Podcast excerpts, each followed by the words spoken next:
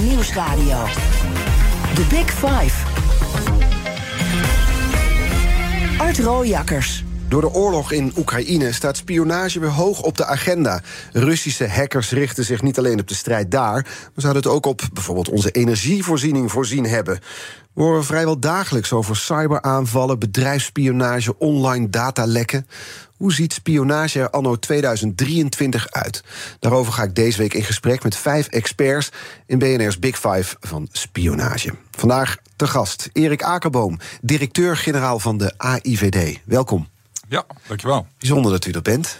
Ja, Ja. dat doe ik graag. Ik ben benieuwd wat u allemaal kan zeggen het komende uur. Ja, we zullen zien. Ja, gesloten waar het moet, open waar het kan, is het slogan, Zeker, toch? Ja. zeker. En steeds opener. Nou, daar houden we u aan het komende uur.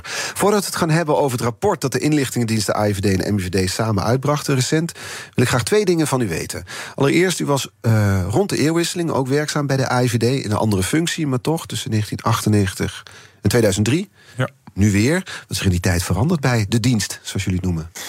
Nou, het meest eh, aansprekende is eigenlijk dat ik toen ik wegging, eh, opgeteld denk ik zo'n 10 à 20 mensen bij de technische dienst eh, werkten. En inmiddels zijn dat vele honderden. Dus met name op die, dat terrein van die technologie en met name data en cyber. Daar is, zijn we in een totaal andere wereld terechtgekomen. En het mooie is dat de dienst daar op tijd mee is begonnen. Is dan ook een andere afdeling kleiner geworden? Nee, de dienst, toen ik bij de dienst kwam in 1998 bestond die uit 630 mensen. En inmiddels zijn, is dat zo'n, zijn het zo'n 2000, ruim 2000 mensen. Dus dat is, er zijn taken bijgekomen, maar ook veel mensen bijgekomen en heel veel technologie. Overal is personeelstekort, bij jullie ook? Wij gaan groeien. Eh, dus ik wil iedereen, alle luisteraars ook vooral oproepen, eh, oproepen om de vacatures in de gaten te houden. Wij groeien ook het komende jaar weer ruim 150 man. Dat is een enorme toename. Dus eh, wat kunnen we eruit concluderen? Dat de AIVD steeds groter wordt? dat eh, we ons steeds meer zorgen maken over onze veiligheid. Eh, en dat er behoefte is aan duiding. Wat is hier nou aan de hand in, in Nederland? Of wat is aan de hand in het internationale speelveld? Wat is er aan de hand in de Oekraïne of in China? In Iran? Eh, er gebeurt ongelooflijk veel tegelijkertijd. En wij hebben als taak om te duiden, maar vooral ook om bedreigingen die zich voordoen, om die voor te zijn. Zodat we daar kunnen waarschuwen. En anderen tot handelen, heet dat zo deftig, kunnen eh, aanzetten. De tweede vraag waarmee ik wil beginnen sluit erop aan. Die bedreigingen. Welk land is op dit moment de grootste bedreiging voor ons? Als we kijken naar bijvoorbeeld cyberdreigingen. Hebben we het dan over China of Rusland? Nou, iedereen zal natuurlijk op dit moment zeggen Rusland. Maar op de lange termijn is dat China. Onmiskenbaar. Is, eh, Rusland is in die zin het kleine broertje van China. En eh, China is een grootmacht inmiddels al. Heeft de ambitie om eh, wereldleider te worden op alle terreinen: militair, economisch, technologisch. En eh, zet daar grote stappen in. En doet dat ook ten koste van het Westen. Op wat voor manier zijn zij een dreiging voor ons? Nou, eh, China denkt in een heel ander sociaal model dan wij. Dat geldt voor Rusland trouwens ook. En onze, wij, onze, onze westerse waarden zijn ons dierbaar. In, in onze wet staat ook dat wij die moeten beschermen. De democratische rechtsorde beschermen en de nationale veiligheid. En die is in het geding. En dat, eh, daar is. eh, wat voor manier? nou, we zien dat China op alle terreinen ehm, eh, probeert de hegemonie te krijgen. Bijvoorbeeld op het terrein van technologie. Ehm, tegenwoordig heb je niet meer alleen een staat van oorlog, eh, zo artikel 5 van de NAVO, of een staat van vrede, maar je hebt een heel stuk daartussenin. Een grijze zone, waarin het eigenlijk geen oorlog is, maar wel veel conflicten zijn.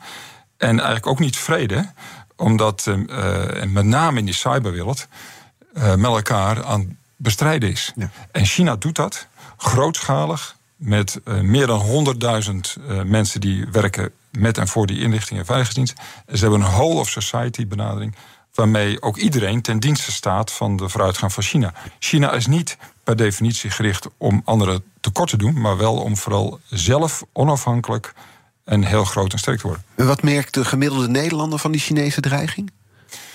Nou, dat, dat eh, kan eh, al plaatsvinden omdat China ook geïnteresseerd is in data van burgers.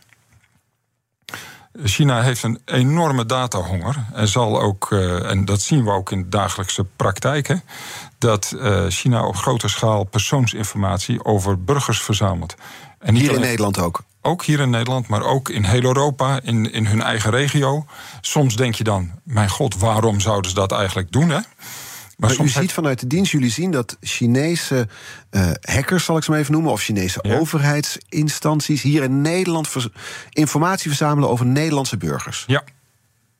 En dat uh, de doelen die daarachter zitten, die zijn, gaan soms over... werken deze mensen bij hoogtechnologische bedrijven... zodat wij ze kunnen benaderen. ASML bijvoorbeeld? Bijvoorbeeld. Uh, maar het gaat ook over, kunnen deze mensen een bedreiging vormen? Oeigoeren bijvoorbeeld in Nederland. Uh, maar soms is het voor ons ook een groot vraagteken... waarom China zoveel persoon, persoonsdata heeft. Wat we ook terugzien, is dat zij uh, invloedrijke mensen... rangschikken in orde van invloed. Dus wie kunnen wij benaderen om invloed uit te oefenen? Bijvoorbeeld op de economische agenda, bijvoorbeeld op samenwerking. Of bijvoorbeeld om universiteiten of bedrijven binnen te kunnen komen. Bent u, wordt u vaak gecontact vanuit China? Behoorlijk wat macht, hè? Zelden. Zelden, nou, oké. Okay. Um, we gaan het over dat andere land hebben, wat toch ook een bedreiging vormt, uh, Rusland. Want jullie brachten recent een analyse naar buiten samen met de MIVD. De AIVD en MIVD deden dat gezamenlijk over de oorlog in Oekraïne. En wat dat betekent voor onze veiligheid. Belangrijkste waarschuwing: die oorlog in Oekraïne is dichterbij dan we denken. Vat ik samen. Klopt ja. dat? Ja. ja? Zeker. Uh, en dat, dat merk je in de huiskamer. Uh, maar dat gaat het meer om je welvaart en je, je, je gasrekening in de inflatie. Maar op de lange termijn gaat het ook over de waarden, onze westerse waarden. Die staan op het spel bij de oorlog in Oekraïne, zeg je? Jazeker. En dus ook in ons land? Dus ook in ons land. Wij, uh, wij hebben niet voor niks een krijgsmacht. Wij hebben niet voor niks een NAVO om ons te beschermen. En wij hebben niet voor niks allerlei voorzieningen getroffen om ons ook vooral te beschermen tegen invloeden van buitenaf. En de invasie in de Oekraïne zien wij ook echt als een. Uh, en wordt door Poetin ook geframed als een oorlog tegen het Westen. En dat gaat niet over Westen in het, als grondgebied, maar ook over de westerse waarden. -hmm. En dus zijn er gevaren voor Nederland als het gaat om Rusland. De, de, angst is dat Russische hackers zich ook op, bijvoorbeeld op onze energievoorziening richten. Ik zei het al. Ja, het punt met cyber is dat uh, dat, is een, dat is een vorm om de strijd met andere landen aan te gaan. En dat lijkt soms ver van ons af. Maar wat uh, landen als Rusland en China en ook overigens andere landen doen, is in beeld brengen waar de kwetsbare punten zitten. Van landen die ze als vijandig beschouwen. En wij worden door Rusland beschouwd als een vijandig land. Dus zij zullen, en dat zien we in de praktijk ook gebeuren, zij zullen ook kijken naar waar is Nederland nou kwetsbaar. Ja, en dan gaat het over internetkabels die hier in land komen, windmolenparken voor onze kust. Dan werd zelfs een Russisch schip door de MIVD, door de marine uiteindelijk is daar geëscorteerd uit dat gebied omdat ze in kaart aan het brengen waren waar die windmolenparken waren. Ja. Zo concreet is het? Ja, mijn, uh, mijn collega Jan Swillens heeft daar ook over verteld. Geleden, ja. Was hier te gast, heeft daarover verteld. Maar u moet je voorstellen dat dat veel breder is. Een, uh, men zal ook kijken naar luchthavens. Men zal ook proberen binnen te komen in vitale sectoren. Uh, niet altijd om meteen een militaire dreiging te vormen. Maar moet je voorstellen, als je met elkaar zit te onderhandelen over in een spannend proces. En jij weet dat de Chinezen of Russen in jouw vitale sectoren zitten met malware. Of ze kunnen het, de stroom of de, het licht uitzetten in jouw land. Dan heb je een totaal andere onderhandelingssituatie. Is, is het al zover? Zouden de Russen het licht kunnen uitzetten in ons land? Nee, daar gaan we uh, vanuit dat dat niet het geval is. Want wij zijn als land best behoorlijk uh, secure en uh, aware in, in, op, op zijn Engels. Maar er zijn wel kwetsbaarheden. En die kwetsbaarheden nemen toe omdat we steeds afhankelijker worden van technologie, van het internet, het steeds meer toepassen ook in de vitale sectoren. En dat is ook de reden dat Jan Sullens en ik aan de bel getrokken hebben. Tegenover die kwetsbaarheid moet ook een goede uh, weerbaarheid staan. Mm -hmm. En eigenlijk uh, moet bij ieder bedrijf. En dat geldt ook voor ziekenhuizen, het geldt voor universiteiten, het geldt voor de voedselvoorziening. Het is allemaal heel goed georganiseerd in Nederland. Maar met een hoge mate van technologie. Ieder bedrijf moet zich realiseren dat security gewoon onderdeel is van de bedrijfsvoering. Ja, maar dan zit ik me toch voor te stellen, ben je IT-beheerder bij een middelgroot ziekenhuis ergens, weet ik het, in Deventer bijvoorbeeld, dan ben je niet bewust van het feit dat er misschien wel honderdduizend Chinese hackers of Russische hackers het op jouw systeem hebben voorzien. Nee, en die IT-beheerder, of die CIO, die moet dus ook niet aan het eind van een doodlopende gang ergens een hoekje van een uh, kelder zitten. Maar die moet af en toe eens bij de raad van bestuur zitten. En dan zou de raad van bestuur moeten vragen: waar staan onze data eigenlijk? Wanneer heb je de laatste update gedaan van je systeem? Dat zijn eh, geen specialistische vragen, maar dan eens kijken wat er gebeurt. The Big Five. Art Rojakkers. Met vandaag de gast Erik Akerboom, directeur-generaal van de AIVD. Uh, ook werkzaam bij de AIVD uh, rond de eeuwwisseling, dus ook tijdens 9-11... toen uh, twee vliegtuigen zich in de Twin Towers in New York boorden. Um, dat had nogal een impact op uw werk, 9-11. Zeker. De, dat heeft het, het inlichting- en veiligheidswerk enorm beïnvloed. Uh, inmiddels is het zo dat wij, dat wij vanuit risico's denken. Uh, toen dacht je eigenlijk vanuit concrete dreigingen. Maar nu denk je veel meer termen. Wat zou er kunnen gebeuren? Wie zou eigenlijk iets kunnen doen? Maar er is ook een illusie ontstaan dat alles dat je kan voorkomen ook moet worden voorkomen. En dat. Uh, is een illusie ontstaan dat alles wat kan voorkomen worden, moet worden voorkomen? Leg eens uit. Ja, dat je 100% garanties kunt geven over veiligheid. En dat kan niet. Uh, ik heb inmiddels op heel veel plekken gewerkt in die veiligheidssector. Uh, je doet je uiterste best om de risico's zo klein mogelijk te maken. Maar er, er kan altijd iets fout gaan. Dat zullen we ook als samenleving moeten accepteren. Die impact van 9-11 was groot, zei u zelf ook. Ook op uw werk, ook op de dienst wereldwijd. Tegelijkertijd zeiden jullie twee weken geleden bij uh, het uitbrengen van het rapport, de MIVD en de AIVD, dat 24-2, de start van de oorlog in Oekraïne, een nog grotere impact heeft dan 9-11 op ons. Ja, 9-11, en uh, ik kan me als de dag van gisteren herinneren, was vreselijk vanwege de slachtoffers en het, de schok. En uh, dat je zag hoe kwetsbaar we waren. Uh, en heeft ons denken veranderd. Maar 24-2 uh, verandert de wereldorde. Uh, gaat eigenlijk een langere naschok geven, denken wij, met meer impact dan 9-11. Het zijn eigenlijk onvergelijkbare uh, zaken. Maar die wereldorde die nu in het geding is, dat hebben we natuurlijk eerder niet op deze manier gezien. Nee. En die langere naschok, waar zit hem dat in? Nou, dat zit hem in dat, dat uh, je hebt natuurlijk een heel samenspel van verdragen. Van een, uh, die samen de wereldorde vormen. Dat je een basis voor vrede uh, vindt. En die wordt nu bruut doorbroken. Doordat een land vindt dat ze een ander land kunnen innemen. Mm -hmm. uh, met militaire macht. Dat is tegen de verdragen in, dat is tegen de internationale rechtsorde in. Dat is, dat is op vele terreinen het overtreden van allerlei wetten en regels. En, tegen de, en misdaden tegen de menselijkheid. en dat gaat dus over een, een, land en een, een Poetin, die eigenlijk ook hun eigen land al alle checks en balances heeft afgebouwd. De rechtsorde bestaat daar eigenlijk niet meer. Rechters, uh, officieren van justitie, die zijn eigenlijk uh, lam gelegd. En uh, duidelijk wordt dus wat hij voor ogen heeft. Ja, en dus zal het een langer effect hebben. Een effect ook waar uh, we het gisteren ook over hadden met Huip Modderkolk trouwens. Onderzoeksjournalist bij de Volkskrant. We hebben hier het fenomeen kettingvraag. U bent ermee bekend, eerder te gast geweest ja. in het programma. Huip Modderkolk omschreef hoe er in aanloop naar de Russische invasie in Oekraïne werd gevreesd voor grootschalige Russische hekaanvallen in het land mogelijk ook daarbuiten in Europa. En dat het uiteindelijk ook wel weer meeviel. Volgens Modderkolk hebben jullie als AIVD goed zicht, heel goed zicht op alle Russische activiteiten. Zien jullie ook dat het minder gebeurt dan vooraf verwacht?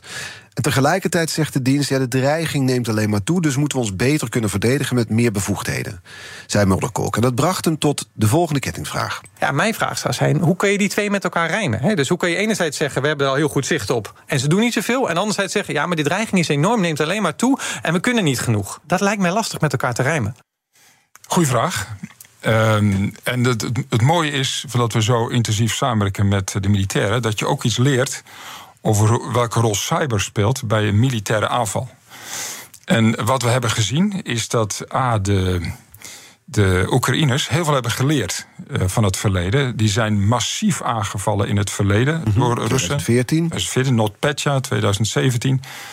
Uh, en hebben geleerd hoe ze zich moeten verdedigen. En een van de belangrijkste lessen is dat je kwetsbaarheid uh, vermindert, maar dat je ook gaat samenwerken met andere inlichtingen, veiligheidsdiensten en bedrijven. Dat betaalt zich uit. En de tweede reden is dat Russen niet zo goed zijn in het coördineren van hun activiteiten. Je moet, als je, uh, als je zo'n invasie begint, moet je niet alleen in de lucht, ter zee en op het land effectief zijn, maar moet je daar ook je cyberoperaties mee coördineren. Daar zijn ze niet goed in geweest. En de derde reden is ook nog dat een groot deel van de krijgsmacht helemaal niet wist dat, het, dat er een invasie zou gaan plaatsvinden. dat ze gingen oefenen. Die dachten dat ze gingen oefenen. Allerlei factoren hebben gemaakt dat inderdaad, daar heeft Modderkolk helemaal gelijk in, ondanks dat het een massieve campagne is, dat ze maar zeer beperkt effectief zijn geweest. Ja. Dan zegt, dan zegt Modderkolk daar achteraan, die zegt ja, hoe kun je dan zeggen de dreiging is enorm en neemt alleen maar toe en we kunnen niet genoeg? Nou, die dreiging, uh, die, die, dreiging in, in ons dagelijks leven, die is nog steeds op hetzelfde niveau. Er is vandaag ook een rapport uitgekomen van CrowdStrike. Die uh, vond ik heel interessant. Ik heb het vanochtend nog even zitten lezen. Een soort World Report of Threat. Uh, die zegt ook dat het aantal uh, de, de, percentage toena, toename van het, van het aantal dreigingen in de wereld. dat dat tegen de 100% is toegenomen. En die legt vooral de nadruk op China. Maar wij kijken niet alleen naar China, wij kijken ook naar Rusland. Wij kijken ook naar Iran, wij kijken naar Noord-Korea. Eigenlijk al die landen die een offensief cyberprogramma hebben. En die dreiging is gewoon aan de orde van de dag. Uh, en daar hebben heel veel bedrijven, burgers, maar ook overheden mee te maken. Ja, maar het punt was dat in Oekraïne was te verwachten... er breekt een oorlog uit en Rusland zal met hun uh, cyberhackers... Zeg maar, het land ook wat plat kunnen leggen. Wat er gebeurde is dat ze raketten moesten afvuren... om de energiecentrales te kapot te maken. Dus misschien wordt die dreiging vanuit Rusland... is die wel in de perceptie groter dan die in werkelijkheid is... als het gaat om cyberaanvallen. Nou, dat is zeker de inschatting geweest vooraf. Dat dat veel meer effect zou hebben. Maar je ziet dus ook dat je er goed tegen kunt verdedigen. En de Russen waren dus in die coördinatie niet zo goed. Mhm. Maar als het gaat om, om het benaderen van bedrijven, het benaderen van burgers, het hacken. Uh, op bestelling. Uh, soms uh, brokers die zich beschikbaar stellen voor de Russen en Chinezen. Die kun je echt inhuren om die te hacken. Dat gaat gewoon door. En dat, uh, dat, is, dat is soms uit winstbejag, soms om data te verzamelen, maar soms ook om technologie eh, te benaderen, maar soms ook om militair of politieke informatie te. En dat gaat gewoon door en dat zal ook in de toekomst niet minder worden. Dat voelen we vaak niet heel direct in termen van veiligheid, zoals je over terrorisme hebt of criminaliteit op straat. Maar het gaat ons wel degelijk uh, raken op de lange termijn. Oekraïne kreeg een wake-up call in 2014 als het gaat om dit soort dreigingen. Daarna Non-Petja, die grote aanval. Zijn wij die wake-up call al voorbij? Met andere woorden, hebben wij het hier in Nederland net zo goed op orde als Oekraïne voor het uitbreken van de oorlog? Nou, ik denk dat wij al een. Uh, laat ik over mezelf praten. Ik heb zelf een wake-up call gehad in wat is het, 2011. Toen ineens een. Uh, uh, een Iraanse, waarschijnlijk een Iraanse hacker, een certificaat uh, gebruikte.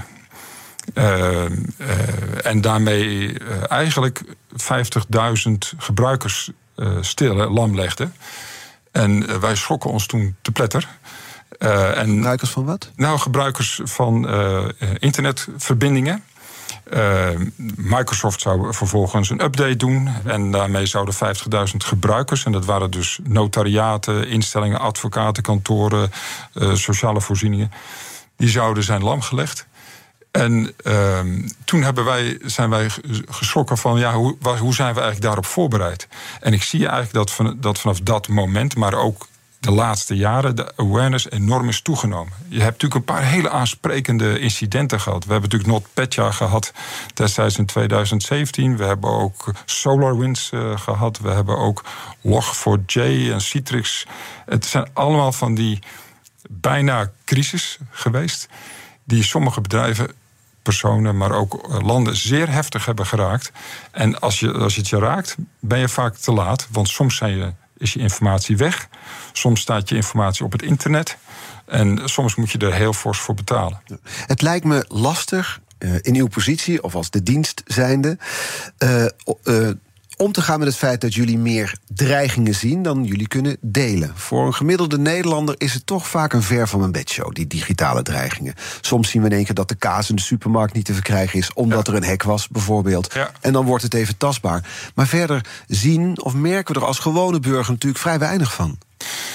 Zeker. En dat, uh, dat overigens is wel aan het veranderen. Uh, want wij zeggen altijd inderdaad gesloten waar het moet, maar open waar het kan. Dus wij zullen ook in de toekomst vaker laten horen welke problemen wij zien. Maar ook incidenten helpen uh, heel duidelijk om, om, aan te geven hoe kwetsbaar wij zijn. En inmiddels eh, is, is, is dat eh, is die awareness verder doorgedrongen dan alleen inlichting en veiligheidsdiensten. Het raakt het dagelijks leven. U zei de kaas, maar inmiddels ook zijn ziekenhuizen geraakt. Uh, zijn universiteiten geraakt. Dat komt eigenlijk steeds dichterbij. En dat maakt ook dat mensen bereid zijn om maatregelen te nemen. Ik... Het komt steeds dichterbij, zegt u. U zegt uh, hoe kwetsbaar we zijn, riep u de vraag op. Als we dat moeten kwalificeren, hoe kwetsbaar zijn wij? Nou, ik, ga dat niet in, ik kan het niet in termen van cijfers of zo. Uh, maar je hebt bij de terrorisme-dreiging heb je natuurlijk bepaalde kwalificaties. Een verhoogde ja, nou, staat, et cetera. Ik, ik, beschrijf het liever. Kijk, je, ik, je ziet eigenlijk dat die, dat die afhankelijkheid van technologie steeds meer toeneemt. Uh, wij zien uh, dat die, die, die, interesse van grote landen om, uh, om binnen te dingen ook steeds groter wordt. En dat rapport waar ik op duidde van CrowdStrike, ik las het toevallig vanochtend even, die had het over 200% toename. 100, 100, 100, 100% toename op onderdelen. Nou, als je dat ziet, hè, dan vind ik dat heel zorgelijk. En dan de tweede vraag van uh, Huib Modderkolk. Ehm, heb je dan meer bevoegdheden nodig? Uh, het gaat ons niet zozeer om meer bevoegdheden. Daar gaat die wet ook niet over. Die wet gaat overigens niet nou, er is een tijdelijke wet, daar komen we zo uitgebreid over te spreken hoor. Een tijdelijke wet die in de Tweede Kamer ligt op dit moment. Daar ja. moet over gesproken worden. Waarin onder andere wordt besproken uh, of er meer mogelijkheden moeten zijn uh, om, om af te tappen, zal ik maar even parafraseren. Ik zie al een trek rond de mond. Dat woord staat u niet aan volgens mij. Ja. En ook het toezicht daarop. Of ja. dat dan vooraf moet worden gedaan of tijdens. We gaan er zo uitgebreid over uh, spreken. Ik zeg eerst dat morgen Ronald Prins de gast is. Hij is expert op het gebied van cyberbeveiliging. Hij is eigenaar van cybersecurity bedrijf Hunt Hackett. Hij is ook oud-toezichthouder bij de AIVD. Um, dan mag u straks een kettingvraag gaan stellen. Ja, trouwens, ga ik zeker doen. Programma, ja. Abonneer je op onze podcast via je favoriete podcastkanaal... om geen aflevering te hoeven missen. Zometeen praat ik verder met Erik Akerboom... directeur-generaal van de AIVD. Onder andere over de tegenstelling tussen privacy en veiligheid. Blijf luisteren. Het Eneco Klimaatreport van deze week komt uit Amsterdam. Ik ben Pascal en ik sta hier met de oprichter van Wikkelhuis op de werkplaats. Oep, wat zie ik hier? Ja, je ziet allemaal huisjes. Ja, en welke rol speelt energie-efficiëntie in jullie ontwerp- en bouwproces? We bouwen alleen maar met hernieuwbare materialen. Maar het leukste is dat we eigenlijk uh, zonne-energie gebruiken voor onze elektriciteit. We hebben duizend zonnepanelen op ons dak van de werkplaats. Duizend zonnepanelen, dat zijn er een hoop. Ik kan me voorstellen dat er veel stroom vanaf komt. Ja, er komt een enorme bak met stroom uit. En soms in de zomer is dat ook te veel. En daarom werken we samen met uh, Eneco, met het uh, opwek optimaal systeem. En wat doet dat systeem? Een soort dimmer. Dat als er te veel stroom is, dat je dat zeg maar wat terug reguleert, zodat er geen netcongestie ontstaat. Want dan zou alles vastlopen. Uh, juist de balans op het energienetwerk. Ja, precies. En zo werkt Wikkelhuis samen met Eneco aan klimaatambities. Is het ook iets voor jouw bedrijf? Check dan eneco.nl slash klimaatambities.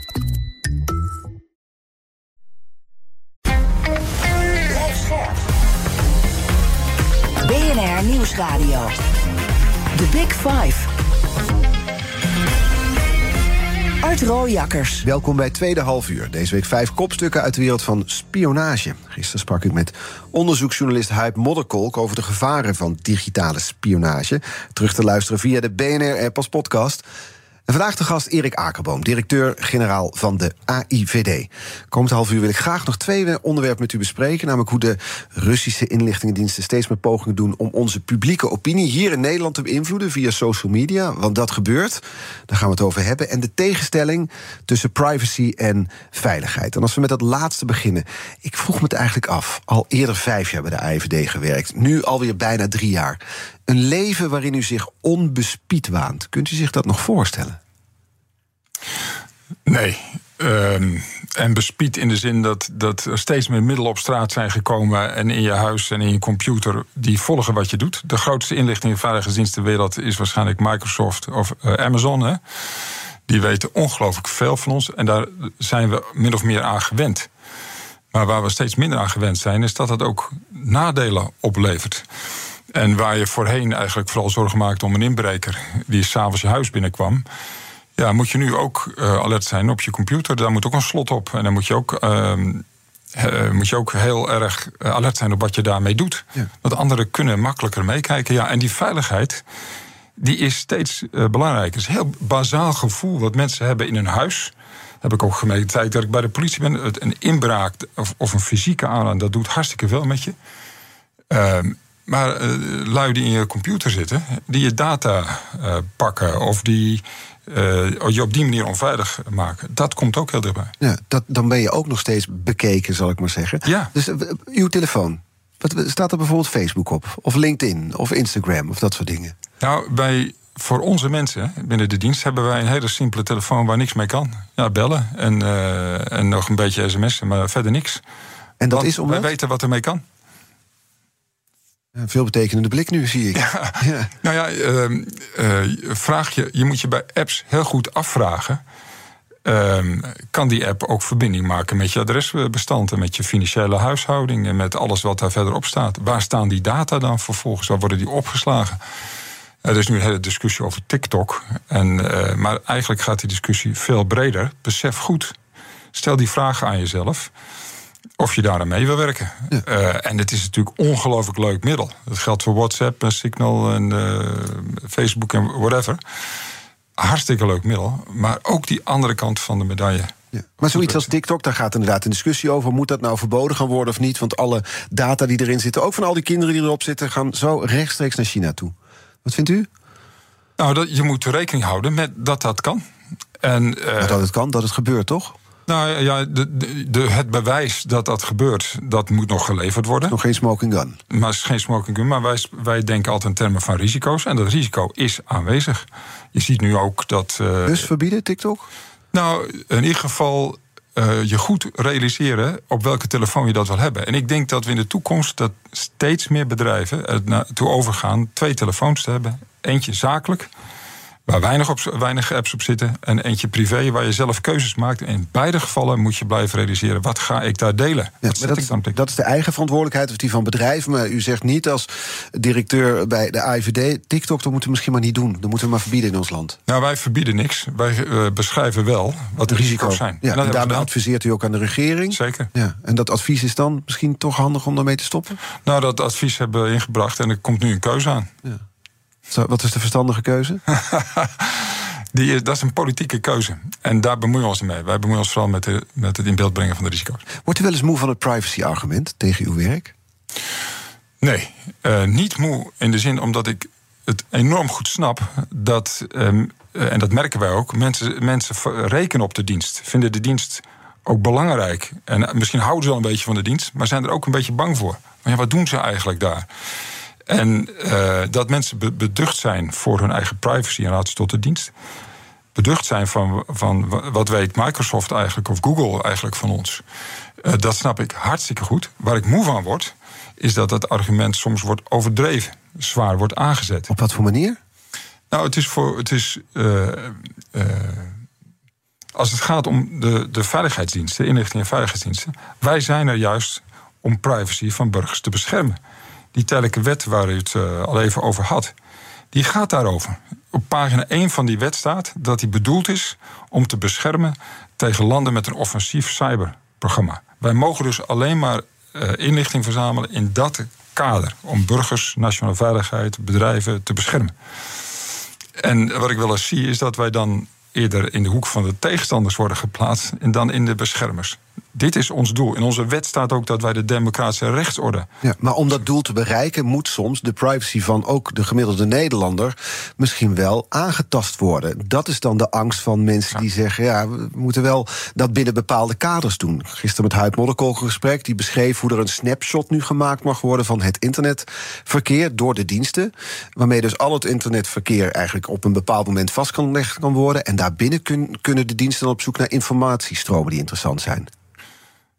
Ah, je, ik vergelijk wel eens het internet met het eh, deltalandschap van eh, rivieren, stromen, beekjes, kanalen.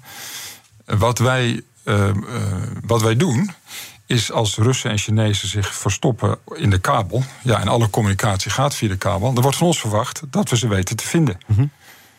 Dan is het wel noodzakelijk om te weten waar ze zitten. En het, het verkeer via internet wordt op basis van prijs wordt dat getransporteerd. Dus je weet niet precies in welk kanaaltje of welk eh, riviertje ze zitten. Dus je moet wel kunnen zoeken eh, waar ze, waar ze zich dan verstopt houden. Wat wij nu, eh, wat in die nieuwe wet mag, is dat je dan specifiek aangewezen mensen in zo'n kanaaltje laten kijken, of in een aantal kanalen laten kijken. Zitten daar Russen of Chinezen? Zo ja, dan mag je daar onderzoek gaan doen. Zo nee, moet je het weer vernietigen, de informatie. Dat is wat er nu mag uh, gebeuren. En dat is ook nodig, want willen wij gericht kunnen werken, moet je wel weten waar ze, waar ze zitten. Anders kun je er überhaupt niet aan beginnen. En, dan was natuurlijk en, zo en dat. Ik vind overigens, dus ik vind het ben volledig met Modderkolk eens. Dat moet ingekaderd zijn.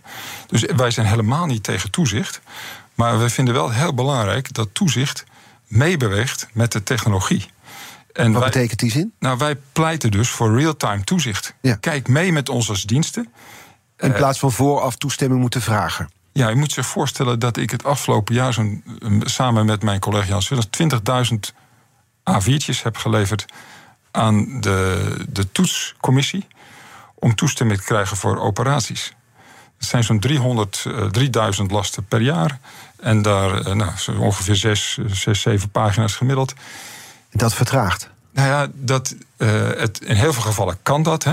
Maar zeker in die cyberwereld. Dan hoppen die hackers van server naar server. En als wij iedere keer een onderzoek moeten doen. Wie er op die server zit. Of we daar wat naar binnen mogen. Dat we daar een last moeten, voor moeten krijgen. Ja, dan is die al lang vertrokken. Want die hoppen van servers de hele wereld over. En daar waarschuwen wij voor. Geven ons de mogelijkheid om sneller die bevoegdheden in te kunnen zetten. Maar er staat tegenover, en dat is voor ons echt nieuw. Dat die toezichthouder ook een operatie mag stoppen. Dat mocht in het verleden niet. En ik denk dus dat er echt sprake is van beter toezicht. Intensiever uh, toezicht. Mm-hmm. Tijdens de operatie. Ja, maar toch even nog terug in de tijd. Want we, we hebben de, uh, het referendum gehad hè, over de wet op de inlichting en veiligheidsdiensten. Het werd toen de sleepwet populair genoemd. Onder andere geruchtmakende uitzending van Arjen Lubach ging er destijds over. Die staat op de zwarte lijst nu bij de AIVD, neem ik aan, toch of niet? Nee hoor. Nee, oké. Okay. Uh, die werd, de, werd destijds door een meerderheid van de Nederlanders afgewezen. Dus daar bleek uit dat de meerderheid van de Nederlanders, was, uh, was, de opkomst was meer dan 5%, zeiden: nee, wij maken ons zorgen om dat wat erachter zit, om privacy Een van de argumenten was gebruikt destijds door Ronald Plasterk, de minister, die zei: We gaan echt niet een hele wijk in de gaten houden om, uh, om uh, één persoon te vinden. Nu wordt het hele internet min of meer in de gaten gehouden. Nee, het is nog steeds zo dat, dat de dienst kan, wil uh, niet een hele wijk of een stad aftappen. Mm-hmm. dat, dat, dat, is een heel gek beeld. Als, als, zo zit het internet ook niet in elkaar. Hè, want, want er zijn allerlei personen op andere uh, providers aangesloten. Uh, maar wat wij wel doen, is. Uh, als, als een Rus of een Chinees ergens in een kabel zich verstopt weet, doen wij onderzoek naar die kabel. Maar dat is niet naar een wijk. het internet het bewijst zich juist door grenzeloosheid. Loopt over de hele wereld. Die, die, die ja, het was een voorbeeld van de minister destijds. Het is niet dat ik het sta te verzinnen over die wijk. Dus het was nee. een soort praktisch voorbeeld om inzichtelijk te maken wat het zou inhouden. Namelijk, het is niet dat de dienst grensloos maar alles in de gaten kan houden. Nee, en dat, dat is nog steeds zo. En dat zal ook in de toekomst niet zo zijn. Want uh, ook in de toekomst moeten wij vooraf toestemming vragen of we dat wel uh, mogen doen. En dat is strak ingekaderd. En een toestemming om een hele wijk af te tappen, dat lijkt mij heel sterk. Want we hebben heel veel andere mogelijkheden in Nederland om in te zetten. Ja. Maar die, die bevoegdheid gaat nu juist over het buitenland. Ja. En u zegt dan, ik vind het frustrerend... want wij zijn er juist voor de veiligheid van onze burgers. Ja. He, dus, en wij, wij proberen helemaal niet de, de privacy of de, de veiligheid van onze burgers te schenden. Nee, we zijn op zoek naar Chinezen, naar Russen. Maar toch, burgerrechtenbeweging Bits of Freedom... die stellen dit jaar dat uw dienst een grenzeloze datahonger heeft. Hebben ze gelijk? Nee, dat is echt. Uh, dat, nou, dat is heel ver buiten onze belevingswereld. Wij zijn juist op zoek naar hele specifieke bedreigers van onze privacy en nationale veiligheid. Daar richten we onze aandacht uh, op. En uh, als we een grensloze datahonger zouden hebben, zouden wij een datacenter moeten hebben dat groter is dan de hele stad Zoetermeer. Yeah. Dat kunnen we niet eens. Het is geen klein kantoor waar jullie in zitten, toch? Het is geen klein, klein kantoor, maar dat kunnen we niet eens bolwerken. Dus wij moeten heel specifiek, heel professioneel te werk gaan... om juist die speld uit die hooiberg te vissen. Het is natuurlijk wel zo dat hoe meer data je hebt... hoe groter de verleiding er is om daar te gaan zoeken. Het gaat ook wel eens mis. In 2019, was volgens mij vlak voordat u er was... Uh, het jaar dat u begon, schreef de toezichthouder CTIVD... dat de AIVD en MIVD te breed satellietverkeer aftapten. Te veel data opsloegen, ook van onschuldige burgers. En uh, dat was toen nog voordat het internetverkeer op grote schaal afgetapt mocht worden. Met andere woorden, het, gaat ook wel eens mis, toch? Zeker. Uh, ik zal de laatste zijn die beweert dat wij geen fouten maken. En daar is juist die toezichthouder ook voor. En daarom mag hij wat mij betreft iedere dag over mijn schouder meekijken. Wij zijn juist gebaat bij uh, goed toezicht. Want wij hebben juist de burger nodig die ons helpt juist bij uh, onze taak. En dan uh, is het heel verstandig dat er goed toezicht is. Ja, maar als het wel eens misgaat, wat, wat zijn nu dan, wat is het snijvlak waar jullie nu op zitten? Waarvan jullie denken dat dat willen wij eigenlijk mogen doen, maar daar, daar zitten we tegenaan, dat mag niet. Nou, voor ons is de kern eigenlijk van die nieuwe wet, en daar staat in wat we eigenlijk zouden graag zouden willen, is met die hacker meebewegen. Snel kunnen kunnen schakelen van server naar server om te kunnen identificeren wie zit daar nou achter. In plaats van telkens opnieuw zo'n uh, toestemming daarvoor te moeten vragen. Uh, het, en uiteindelijk natuurlijk het slachtoffer informeren en te adviseren wat hij er tegen kan doen. Dat is heel belangrijk. En het tweede is, bijna alle communicatie gaat over de kabel. Dus voor ons is het heel belangrijk om toegang tot die kabel te kunnen krijgen. Ingekaderd, ingebed in, in een goed, uh, goed toezicht. Maar wel uh, toegang tot die kabel te kunnen krijgen. Nou, die wet ligt nu in de Tweede Kamer. We komen er zo nog even ja. over te spreken. Bij BNR ben je altijd als eerste op de hoogte van het laatste nieuws. Luister dagelijks live via internet. Jelle Maasbach. Wesley Weert. We zijn er voor je met het leukste, opvallendste, maar natuurlijk ook het belangrijkste nieuws. Tijdens de presentatie van die halfjaarcijfers toen die beurskoers in elkaar kukkelde. BNR Beurs. Voor de slimme belegger. Blijf scherp en mis niets. BNR Nieuwsradio. The Big Five. Art Rojakkers. Met vandaag Erik Akerboom, directeur-generaal van de AIVD. Uh, we hebben het al over de dreiging uit China gehad, de dreiging uh, uit Rusland. We hadden het nu over die nieuwe wet die uh, op dit moment in de Tweede Kamer ligt. Ja. Um, er was een technisch lid van de commissie die toezicht houdt op de inlichtingendiensten, Bert Hubert. Die stapte vorig jaar op vanwege grote zorgen, nu citeer ik hem, over een naderende verruiming van de inlichtingenwet. En zei letterlijk in de Volkskrant: Ik ben echt geschrokken van de houding van de diensten. Daar schrikt u dan ook weer van, denk ik, van zijn opmerking. Ja, ik weet niet precies waar hij ook op, op doelde, want uh, het, is een hele uh, volwassen discussie. Uh, wat je, hoe hoe, hoe ver je vindt dat de diensten mogen gaan in het belang van de nationale veiligheid. En ik snap ook heel goed dat uh, wij soms inderdaad de privacy moeten doorbreken om de veiligheid te dienen. Uh, en die discussie moet open plaatsvinden. Maar dat ga, die gaan wij open aan. Dus waar hij precies op doelde, weet ik niet. Uh, maar wij uh, voeren die discussie in de, zoveel mogelijk in openbaarheid. Ja, met hij goede argumenten. in ieder geval op vanwege grote zorgen over de verruiming van de inlichtingenwet. Dan moet u toch iets zeggen. Dan denkt u van ja, zijn we goed bezig. Krapt u toch eens op uw hoofd.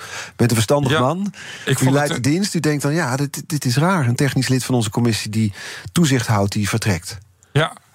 Dat, dat, is ook, uh, dat is ook eigenlijk wel curieus dat dat gebeurt. Uh, maar hij, dan maar hij wilde eigenlijk in de openbaarheid dat, dat, gesprek voeren. En dat snap ik wel. Dat kan hij niet doen als toezichthouder. Mm -hmm. Maar dat wil hij dan doen vanuit een andere positie. Dus dat begrijp ik heel goed. Maar ja, de, de, de argumenten die hij gebruikt, die hebben wij ook allemaal goed bekeken. En uh, die gaan eigenlijk allemaal over de vraag: welke afweging maak je nou? Welke keuze maak je nou? En dat zal uiteindelijk zal de Tweede Kamer dat moeten doen met, -hmm. het, uh, met de regering. Uh, en de, wij hebben daar zelf een opvatting over. Uh, dat privacy en veiligheid eigenlijk goed samengaat. Hè? Want de ene levert je vertrouwen op en de andere levert je veiligheid op. en maar waar die balans precies moet liggen, daar wordt verschillend over gedacht. En daar zal nog een flinke politieke discussie over plaatsvinden. Mijn taak is, en wij zijn uitvoerders, hè, dat die wet ons het gereedschap levert om mensen veilig te kunnen houden, de samenleving veilig te kunnen houden. En dat is niet een eenzijdige discussie. Wij hechten juist aan goed toezicht. Ja. Nogmaals, dan doen we dat wel, willen we wel graag dat dat op een real-time flexibele, dynamische manier gebeurt. Want dat is wat er in de wereld op dit moment gebeurt. Ja, dus dat u, dat u ze kunt volgen naar verschillende servers bijvoorbeeld. Be- Belt u dan zijn toezichthouder als hij opstapt? Van wat, wat gebeurt hier nou? Nee, ik heb, ik heb verder geen contact met Bert Hubert eh, gehad. Maar we hebben wel heel veel contact met toezichthouders. Ja. Eh, Maar dit is nou net een die heel kritisch is. Daar kun je misschien wel het meest van leren, toch? Ja, dus ik volg hem wel in de, in de media. Maar het is ook wel ingewikkeld om over vraagstukken van de dienst te praten. als je niet meer eh, toegang hebt tot de informatie. Want Dat is natuurlijk. dat- als je opstapt als toezichthouder. dan heb je een geheimhoudingsplicht. Maar is het wel ingewikkeld om over details te praten. als, die, eh, als je binnen en buiten de dienst staat. Stel dat die wet nou door de eh, Kamer komt, die wetsaanpassing. Is dat dan voorlopig voldoende voor de AIVD? Of zijn jullie op zoek naar nog andere vormen van eh, toezicht die nu niet mogelijk zijn? Jans Willens en ik hebben ongeveer ruim een jaar geleden hebben wij de vlag gehesen en gezegd: we moeten nu echt iets doen op korte termijn, omdat we zien hoe snel die cyberdreiging zich eh, ontwikkelt en hoe kwetsbaar eh, we, zijn. Eh, maar er is meer nodig op lange termijn, omdat die wet echt niet past bij de huidige ontwikkeling van de technologie. Er zijn, omdat wij dat al, al eerder zagen, is er ook een evaluatiecommissie, een onafhankelijke com- commissie geweest. Die heeft het nog eens bevestigd. De Rekenkamer had nog een mooie titelrapport die zei: de, de wet dwingt, de praktijk wringt en de tijd dringt. met bevestigt literaire dat, ambitie beeld, daar, beeld ja. ook nog eens een keer. Eh, De wet is nou al naar de Raad van State Ja. eh, gegaan. Die heeft gezegd, deze, de, op een paar aanpassingen kun je met deze wet uit de voeten. Dus nu ook echt ook tijd om die korte termijn maatregelen te nemen. Maar op de lange termijn moeten we die wet aanpassen aan de technologie van vandaag. En dan is meer nodig. Wat is er nog meer nodig voor jullie? Eh, dat gaat om allerlei kleine technische aanpassingen die vooral te maken hebben met die kern. Kunnen we snel meebewegen met de ontwikkelingen eh, die in die, in die wereld van cyber plaatsvinden? En wat kan er nu dan bijvoorbeeld niet waarvan u zegt... ja, dat hebben we toch echt nodig? Nou, het gaat, bijvoorbeeld gaat het ook om eh, eh, het, het, kunnen, het, het kunnen omgaan met grote databestanden. Die, wij halen soms grote databestanden binnen. Als je bijvoorbeeld, als je bijvoorbeeld wil, wil volgen hoe terugkerers uit Afghanistan of Syrië naar Nederland terugkomen, dan is het van belang om daar inlichtingen over te hebben, om te kijken of ze een dreiging zijn. Op dit moment kun je die maar eh, kun je die databestanden die je hebt over waar men zich be- begeeft, wat zeg maar ongeveer het telefoonboek is van Syrië of Afghanistan, kun je dat maximaal anderhalf jaar bewaren. Nou, wat er nodig is, is dat we natuurlijk dat langer kunnen bewaren, omdat eh, mensen niet eh, vaak binnen anderhalf jaar hier naartoe komen. Dat het ook vaak belangrijk is om te weten wie wapens levert of welke netwerken er zijn. Nou, dit soort aanpassingen zijn ook nodig. Die ruimte Zullen- moet ook komen. Zeker, die zullen we ook, eh, die, die zullen ook bij deze wet ook al een eerste aanpassing krijgen. En tegelijkertijd moeten er meer spelregels komen hoe we met die databestanden omgaan. Dat is in deze wet eigenlijk niet goed geregeld. Nee. We hebben het nu eh, uitgebreid over de wet gehad. Een ander aspect van uw werk gaat ook over nou, iets heel simpels als social media kanalen. Ja. En eh, uit analyse van, eh, van uw dienst bleek dat Russische inlichtingendiensten op dit moment pogingen doen om onze Nederlandse publieke opinie te beïnvloeden. Bijvoorbeeld over de oorlog in Oekraïne. Ja. Als u dat ziet gebeuren, schrikt u daar nog wel eens van? Nee, dat, daar schrikken we niet meer van. Want het is inmiddels een eh, gebruikte methode. Dat doet overigens niet alleen de Russen, maar ook andere landen doen dat. We hebben het al rondom MH17 eh, gezien, eh, waar men ook met nepnieuws kwam, met andere statistieken, gemanipuleerde gegevens. Social media is natuurlijk een prachtig platform, omdat het heel sterk eh, binnenkomt in de huiskamers van mensen. Dat je het enorm snel kunt verspreiden. En het wel degelijk impact heeft op de eh, opvattingen die mensen hebben. De beelden die men verzamelt rondom veiligheid. Of rondom zo'n issue als bijvoorbeeld MH17. Mhm. En dus zie je nu ook rondom de oorlog zie je een soort ja, campagne. Sterker nog, Ja. eh, een paar jaar geleden waarschuwde de AIVD Thierry Baudet voor Russische spionage. Eh, dat was in 2020. Eh, is sindsdien het risico voor politici eh, hoger geworden onder druk van de oorlog? Nou, po- eh, politici hebben invloed. En eh, eh, buitenlandse veiligheidsdiensten zijn geïnteresseerd in mensen die invloed hebben. Dat zien jullie op dit moment ook. Dat zien we Tweede zeker. Kamerleden die benaderd worden. Uh, Tweede Kamerleden die benaderd worden. En het is onze opgave, opdracht dan om deze mensen ook te waarschuwen. Waar moet je op letten? Wat voor soort methodieken gebruiken ze mhm. eigenlijk? En uh, dat is onze taak. Dat doen we overigens niet alleen bij politici, maar ook wel bij bedrijven en ook wel bij andere invloedrijke mensen. Ik heb nog geen telefoontje gehad, dus zo invloedrijk ben ik niet. We gaan snel naar de kettingvraag toe. U mag een korte, bondige vraag stellen aan onze volgende gast. Ronald Prinsenstad. Ja. Hij is expert op het gebied van cyberbeveiliging. Eigenaar van cybersecurity bedrijf Hunt Hackett. Wat zou u willen vragen? Ronald Prins is um, net zo oud als het internet.